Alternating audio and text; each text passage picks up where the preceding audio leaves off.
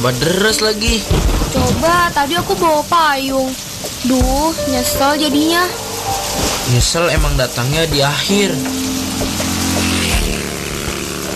Kita hujan-hujanan aja yuk. Hari sudah tambah gelap. Jangan. Kita neduh aja dulu di sini. Ntar sakit malah berabe. Iya, tapi mau sampai kapan? Duh, dingin.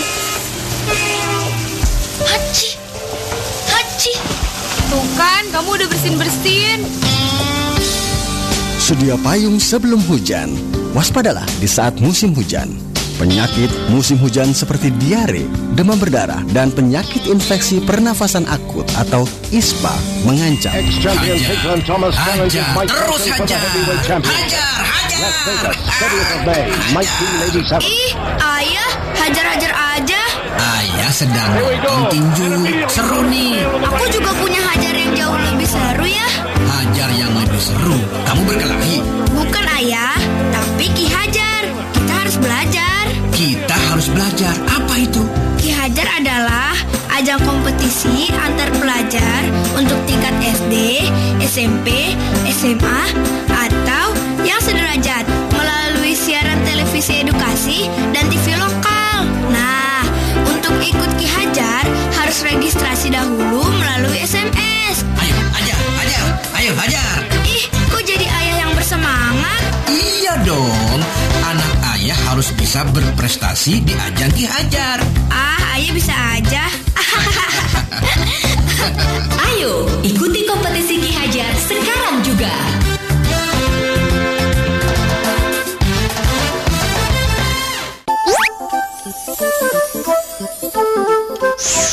Halo sahabat Dikbud, di masa kebiasaan baru seperti sekarang ini, ingat selalu pesan ibu.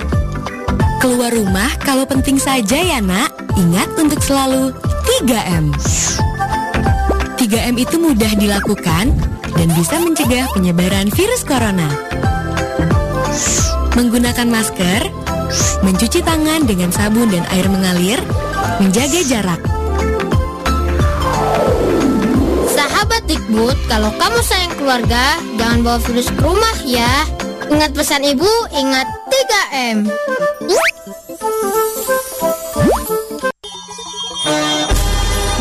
Suara Edukasi Frekuensi 1440 AM. Menyajikan acara yang menarik, menghibur, dan mencerdaskan.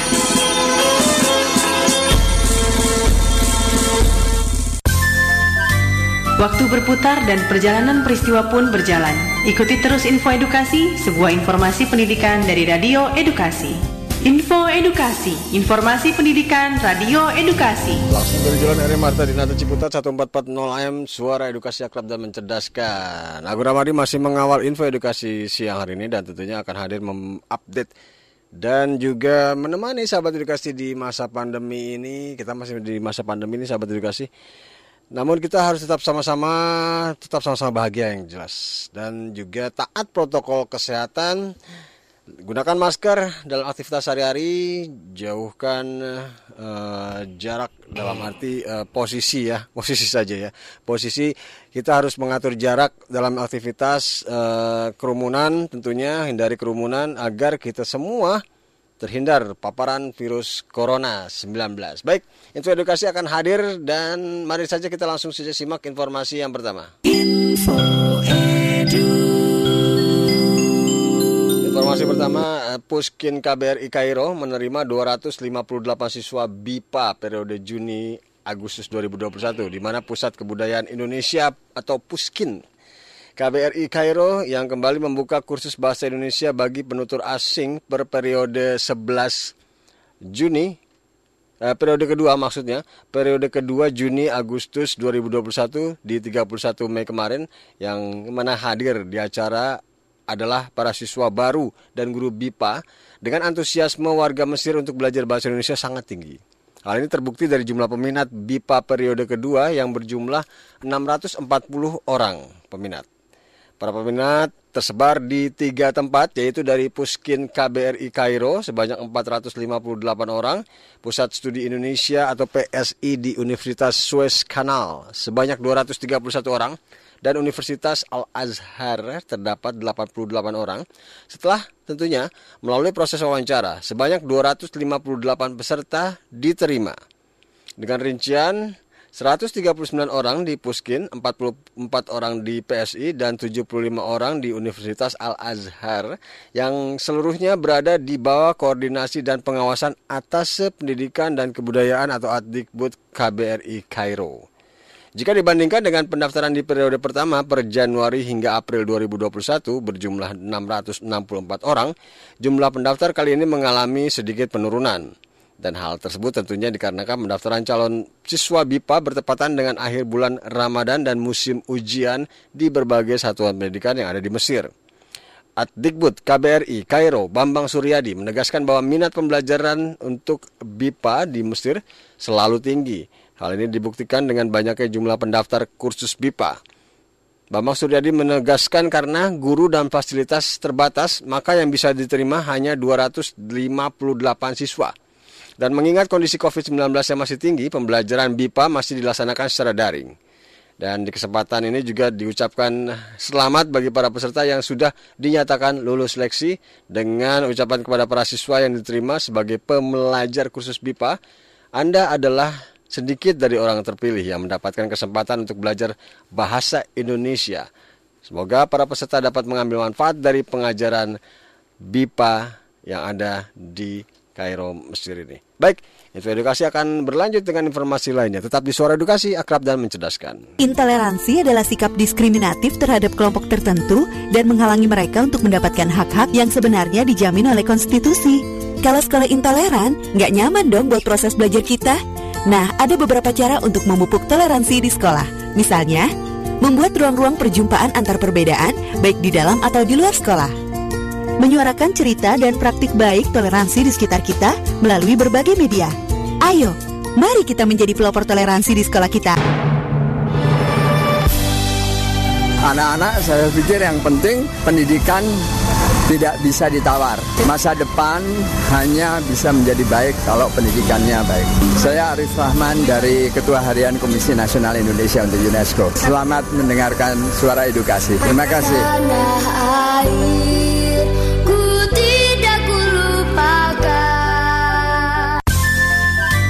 Waktu berputar dan perjalanan peristiwa pun berjalan. Ikuti terus info edukasi, sebuah informasi pendidikan dari Radio Edukasi. Info Edukasi, informasi pendidikan Radio Edukasi. Dari lantai 2 Gedung Graha Media Pusdatin Kemendikbudristek hadir info edukasi mengawal sahabat edukasi. Aku Rawandi masih bersama di laman suaraedukasi.kemdikbud.go.id atau juga bisa diakses melalui aplikasi bernama TV Edukasi tinggal unduh download dan klik menu suara edukasi maka suara edukasi bisa dengarkan 24 jam non-stop Asal tentunya sahabat edukasi terhubung dengan pakai data atau juga internet. Kita lanjut untuk informasi berikut. Kemendikbud Ristek mendukung penuh PPGB dalam pelatihan guru tata busana se-Jawa Tengah dan tentunya Kemendikbudristek menyambut baik, mendukung penuh dunia usaha dan dunia industri yang turut berupaya meningkatkan kompetensi guru kejuruan. Salah satunya dengan upaya Pusat Pelatihan Garmen Bandung atau PPGB yang sudah dilaksanakan dan pelatihan juga ada pelatihan guru tata busana se-Jawa Tengah sebagai implementasi penyelarasan kurikulum jurusan tata busana di Salatiga, Jawa Tengah di pekan lalu. Dirjen Pendidikan Vokasi Wikan Sakarinto mengatakan upaya seperti ini perlu terus dilakukan guna mengembangkan sumber daya manusia yang unggul, terampil, kompeten sesuai dengan kebutuhan industri. Karenanya untuk itu Wikan menyebutkan untuk mencapai tujuan tersebut perlu adanya dukungan dan kerjasama dari berbagai pihak, terutama adalah pihak-pihak industri. Wikan menambahkan dengan adanya pelatihan guru ini, kualitas lulusan akan lebih link and match dengan industri. Wikan berharap dukungan untuk mewujudkan link and match dari PPGB di cabang Salatiga mampu mendorong peningkatan kualitas guru SMK sehingga akhirnya mendukung terwujudnya lulusan SMK bidang tata busana yang kompeten dan memiliki daya saing menjawab tantangan dunia kerja. Wikan menyebutkan peningkatan kompetensi SDM guru SMK memang jadi kunci penting untuk menciptakan lulusan SMK yang kompeten dan memiliki daya saing di industri. Harapannya upaya ini juga dapat menjadi program yang berkesinambungan sehingga semakin banyak lulusan SMK bidang tata busana yang terserap oleh dunia industri. Di kesempatan ini pimpinan PPGB Cabang Salatiga Nathan Nathanael Suryadi menjelaskan bahwa kegiatan diikuti oleh 60 guru kejuruan bidang tata busana yang terdiri dari satu orang ketua untuk program studi dan tentunya dua guru produktif Nathanael Nathanael Suryadi menyebutkan kegiatan pelatihan ini dilaksanakan selama 10 hari dan dibiayai oleh PPGB Cabang Salatiga sebagai wujud program CSR perusahaan. Ia juga menambahkan dalam program pelatihan ini para peserta akan dibekali kompetensi-kompetensi terkini seperti pembuatan pola dengan CAD, desain digital, supply chain management control, System Analysis for Budget Reduction and Digital Process Analysis. Ia menyebutkan kompetensi guru harus ditingkatkan untuk bisa mengimplementasikan kurikulum yang telah disesuaikan dengan kebutuhan industri dan peran guru harus berubah dari pedagogi ke androgogi menjadi mentor dalam proses belajar peserta didik. Pemanfaatan teknologi yang optimal dapat menghadirkan lompatan kemajuan di bidang pendidikan. Pemerintah melalui Kementerian Pendidikan dan Kebudayaan menghadirkan akun pembelajaran untuk mendorong pembelajaran berbasis teknologi. Akun pembelajaran adalah akun elektronik dengan domain belajar.id yang diterbitkan oleh Kementerian Pendidikan dan Kebudayaan. Akun ini dapat digunakan oleh seluruh peserta didik, pendidik, dan tenaga kependidikan untuk mengakses aplikasi pembelajaran berbasis elektronik. Akun pembelajaran mendukung kegiatan belajar dari rumah di masa pandemi. Juga mendukung proses pembelajaran pada satuan pendidikan melalui penerapan teknologi informasi dan komunikasi di masa yang akan datang. Akun pembelajaran dapat digunakan peserta didik mulai dari sekolah dasar, program paket A kelas 5 dan kelas 6, sekolah menengah pertama, dan program paket B kelas 7 sampai dengan kelas 9 sekolah menengah atas, dan program paket C kelas 10 sampai dengan kelas 12, sekolah menengah kejuruan kelas 10 sampai dengan kelas 13, serta sekolah luar biasa kelas 5 sampai dengan kelas 12.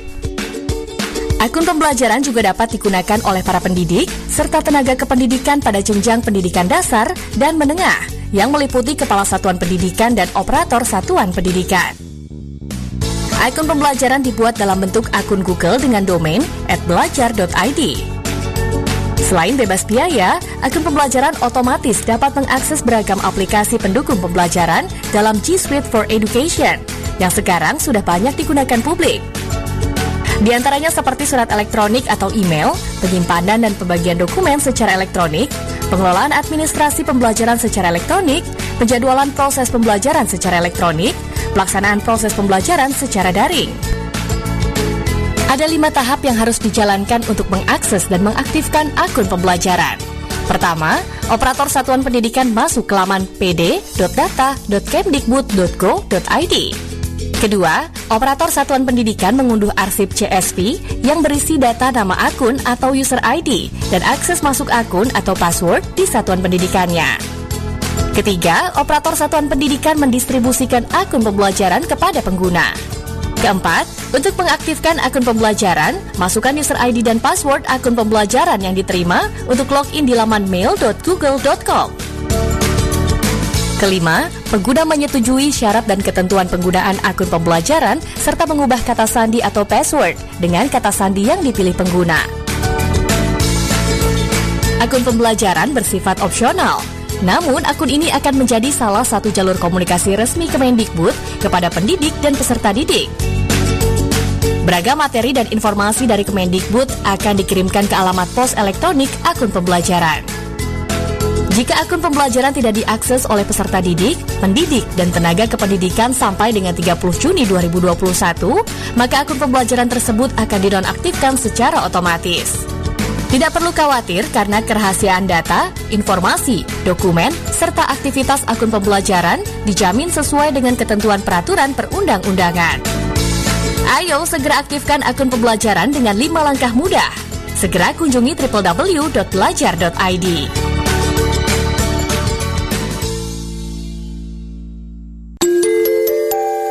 Nama saya MB Senur. Saya cuma berpesan kepada eh, adik-adik pendengar suara edukasi agar rajin belajar, jangan terlalu asik nonton televisi, tapi juga dengarkan radio, terutama radio yang bermanfaat supaya uh, mendapatkan informasi hiburan yang berguna. Dan itu adalah uh, radio yang salah satunya di suara edukasi ini. Selamat mendengarkan. Waktu berputar dan perjalanan peristiwa pun berjalan. Ikuti terus info edukasi, sebuah informasi pendidikan dari Radio Edukasi. Info Edukasi, informasi pendidikan Radio Edukasi. Baik sahabat edukasi kita lanjut info edukasi dengan informasi terkait kuis Ki Hajar. Kuis kita harus belajar. Sahabat edukasi kuis Ki Hajar 2021 hadir kembali. Kali ini dengan akses yang masih sama di web atau laman kihajar.kemdikbud.go.id tinggal klik ada tiga varian Ki Hajar di 2021 Ki Hajar STEM, Explorer, TIK Talks atau TikToks ketika mengklik menu Ki Hajar STEM ini sahabat edukasi bisa tentunya melihat bagaimana Ki Hajar STEM ini diperuntukkan bagi siswa-siswa SD, SMP, SMA, SMK sederajat bahkan ada yang dari dari sekolah Indonesia luar negeri bisa mengikuti pula di kuis Ki Hajar ini. Dan tentunya ini diperuntukkan agar siswa memiliki keterampilan berpikir kritis, kreatif, kolaboratif, dan mampu berkomunikasi dalam menyelesaikan masalah atau proyek berbasis STEM. Lalu sahabat edukasi kita mengklik menu selanjutnya di varian kedua Ki Hajar Explorer. Diajar Explorer adalah wadah pula tentunya untuk eksplorasi siswa dari berbagai jenjang untuk memanfaatkan konten-konten yang ada di rumah belajar, TV edukasi, dan suara edukasi. Dan di varian terakhir, varian yang juga tidak kalah menarik. Ini para guru, para siswa juga bisa ikutan uh, Ki Ajar TIK Talks ini. Di sini ada webinar yang juga tentunya jadi satu bagian dari gelaran besar Ki Hajar 2021 di mana hadir menampilkan narasumber ahli-ahli praktisi IT dan tentunya ini untuk dunia pendidikan dengan tema besar digitalisasi pendidikan. Bagaimana cara mendaftarnya?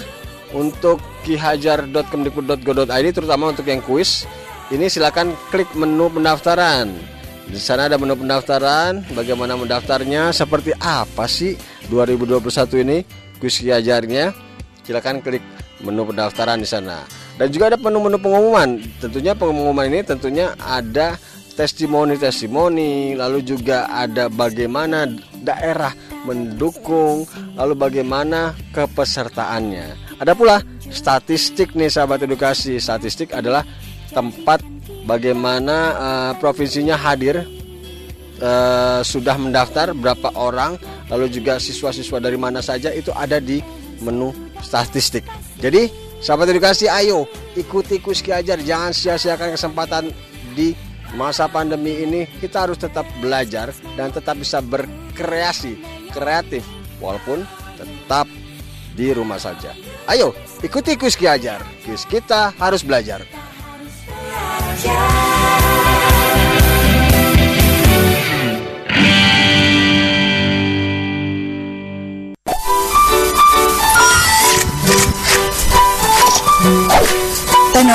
berkembang setiap waktu. Apa persiapan kita untuk masa depan anak didik? Mereka lahir pada era teknologi. Sudahkah kita persiapkan diri? Pendidikan 4.0 sambut tantangan baru. Tinggalkan pembelajaran monoton yang membosankan. Memanfaatkan TIK dan inovasi dalam pembelajaran. Teknologi lahir dari pendidikan. Sudah selayaknya kita manfaatkan. Mari kita mulai search Rumah Belajar Kemdikbud. belajar.kemdikbud.go.id. Manfaatkan untuk pembelajaran. Belajar di mana saja, kapan saja, dengan siapa saja. Belajar untuk semua.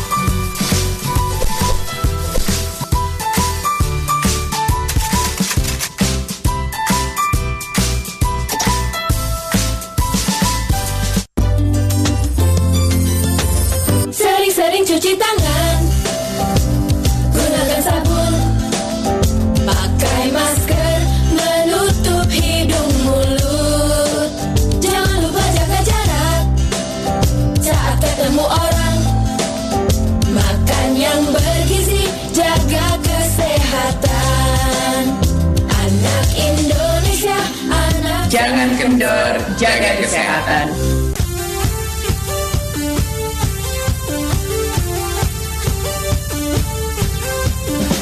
Sahabat edukasi, saya Giring dari Niji. Selamat mendengarkan suara edukasi yang akrab dan mencerdaskan.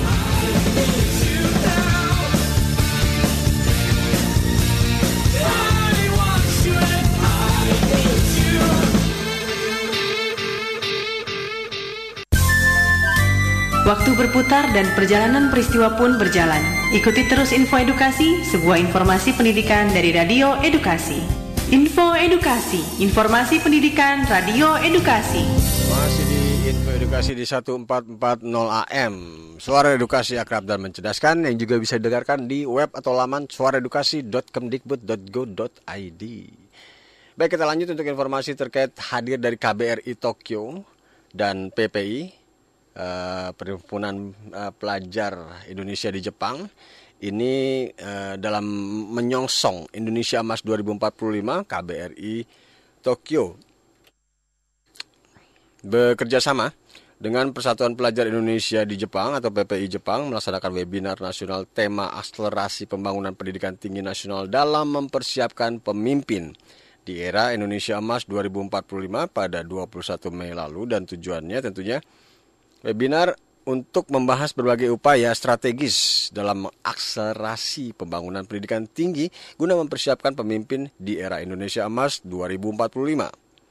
Acara sekaligus memperingati Hari Pendidikan Nasional 2 Mei dan Hari Kebangkitan Nasional 20 Mei dihadiri oleh enam narasumber yaitu Direktur Jenderal Pendidikan Tinggi Nizam dan juga ada juga uh, Ketua Forum Rektor Indonesia Arif Satria, Dekan VIK uh, Dekan FIK maaf, Dekan FIK Universitas Indonesia dan mantan aktivis mahasiswa Universitas Indonesia Agus Setiawan selaku uh, Gubernur Akademik Militer Republik Indonesia juga ada hadir Mayor Jenderal TNI Chandra Wijaya. Ada pula peneliti sejarah Indonesia Jepang Meta Sekar Pujastuti serta Deputi Sumber Daya Manusia Kemenpan RB Alex Denny.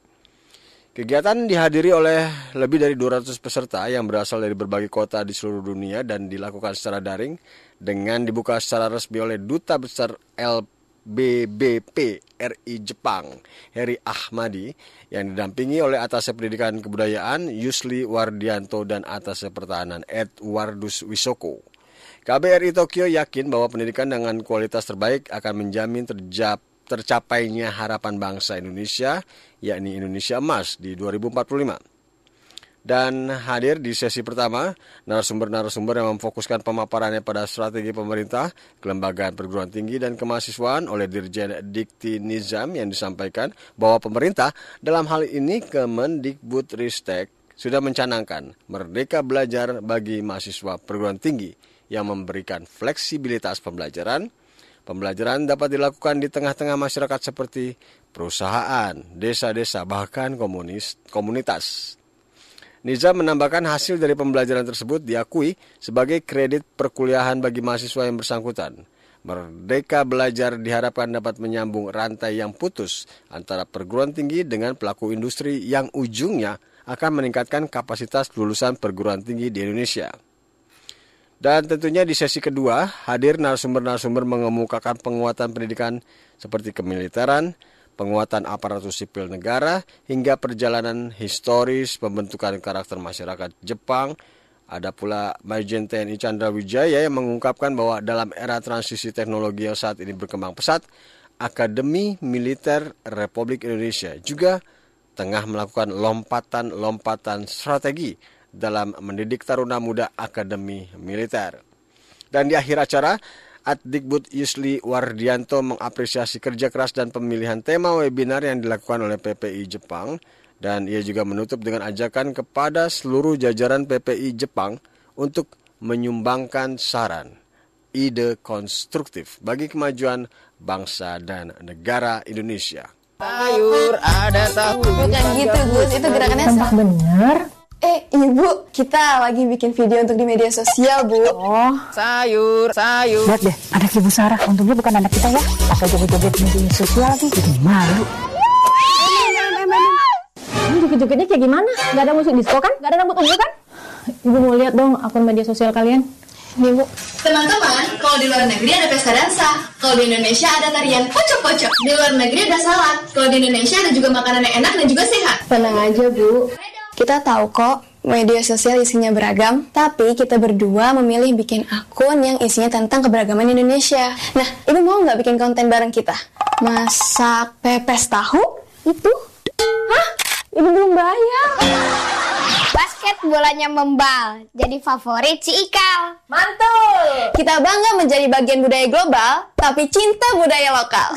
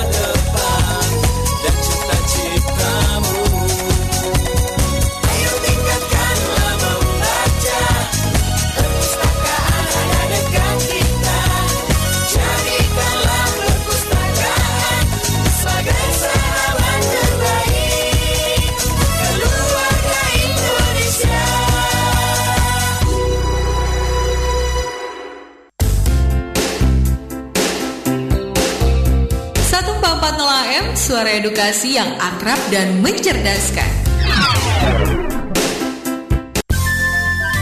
Waktu berputar dan perjalanan peristiwa pun berjalan. Ikuti terus info edukasi, sebuah informasi pendidikan dari Radio Edukasi. Info Edukasi, informasi pendidikan Radio Edukasi. Kembali bersama aku Ramadi di Info Edukasi dan tentunya eh, informasi terakhir terkait ini Kemendikbudristek menggandeng orkestra ada SMK Negeri 2 Kasihan yang menyuguhkan cover lagu pelajar Pancasila dalam memperingati hari lahir Pancasila tentunya Kemendikbudristek melalui Direktorat Jenderal Pendidikan Vokasi atau Dijen Diksi berkolaborasi dengan Orkestra SMK Negeri 2 Kasihan Bantul Yogyakarta membuat video cover lagu pelajar Pancasila dan kegiatan yang digelar layaknya konser mini ini bertujuan untuk menggaungkan kembali nilai luhur Pancasila khususnya bagi generasi muda Indonesia. Dirjen Pendidikan eh, Diksi Vokasi ini bukan Sakarinto mengaku terkesan dengan musikalitas para siswa SMK sehingga lagu pelajar Pancasila dapat dikemas dengan apik. Dan bersama mereka merasa bermusik dan pentas bersama pemain-pemain profesional. Dan persembahan ini semoga menurut Wikan dapat menginspirasi seluruh generasi bangsa.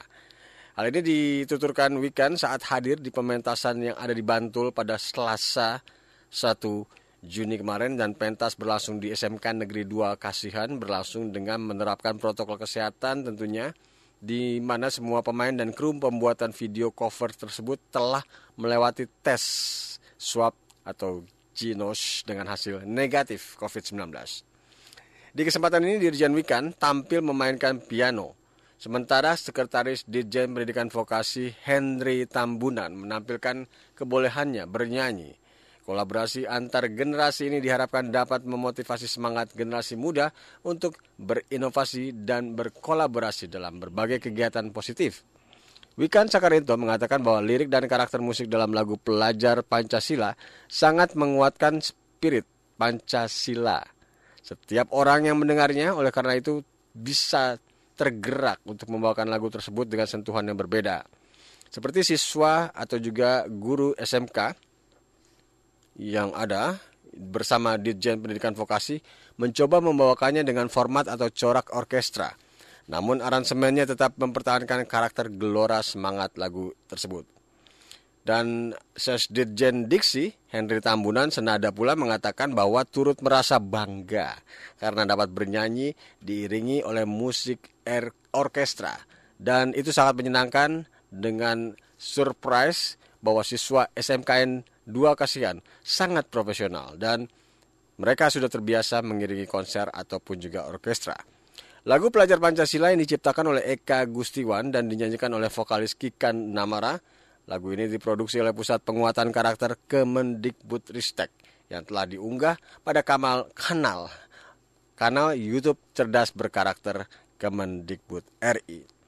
Baik, sahabat edukasi informasi tadi menutup kebersamaan kita di Info Edu hari ini. Selain ini tentunya ada program-program yang menarik yang juga tentunya bisa dinikmati sahabat edukasi, menemani sahabat edukasi di masa pandemi ini dan sahabat edukasi tetap jaga kesehatan, taati protokol kesehatan, gunakan masker, rajin bercuci mencuci tangan dan tentunya sahabat edukasi eh, jauhi kerumunan. Aku Ramadi pamit. Wassalamualaikum warahmatullahi wabarakatuh. Sebagai penutup, kita menikmati pelajar Pancasila, Kikan Namara dan juga Eka Gustiwana. Wassalamualaikum warahmatullahi wabarakatuh. Bye-bye. Info